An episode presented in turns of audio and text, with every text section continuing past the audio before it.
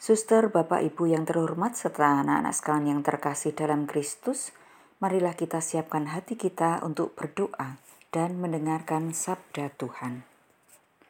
Dalam nama Bapa dan Putera dan Roh Kudus. Amin. Allah Bapa yang Maha Kasih, syukur kami panjatkan karena hari baru yang Engkau sediakan pada kami. Kini kami akan mendengarkan sabdamu, maka bersabdalah Tuhan, hambamu mendengarkan. Inilah Injil suci menurut Yohanes. Dimuliakanlah Tuhan. Dalam rumah ibadat di Kapernaum, Yesus berkata kepada orang banyak, "Semua yang diberikan Bapa kepadaku akan datang kepadaku, dan barang siapa datang kepadaku, tidak akan kubuang. Sebab aku telah turun dari surga." bukan untuk melakukan kehendakku, tetapi untuk melakukan kehendak Dia yang telah mengutus aku.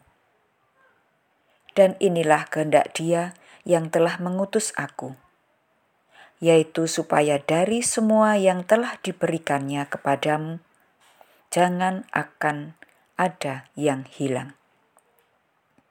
Tetapi supaya kubangkitkan pada akhir zaman Sebab inilah kehendak Bapakku, yaitu supaya setiap orang yang melihat anak dan yang percaya kepadanya beroleh hidup yang kekal. Dan supaya aku membangkitkannya pada akhir zaman. Demikianlah sabda Tuhan. Terpujilah Kristus.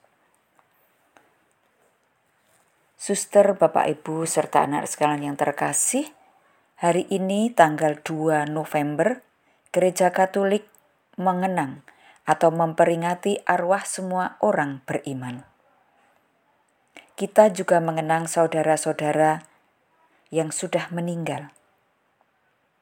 Dalam doa kita sering ucapkan bahwa yakin orang yang meninggal itu hidupnya hanyalah diubah bukannya dilenyapkan, dan bahwa suatu kediaman abadi tersedia di surga.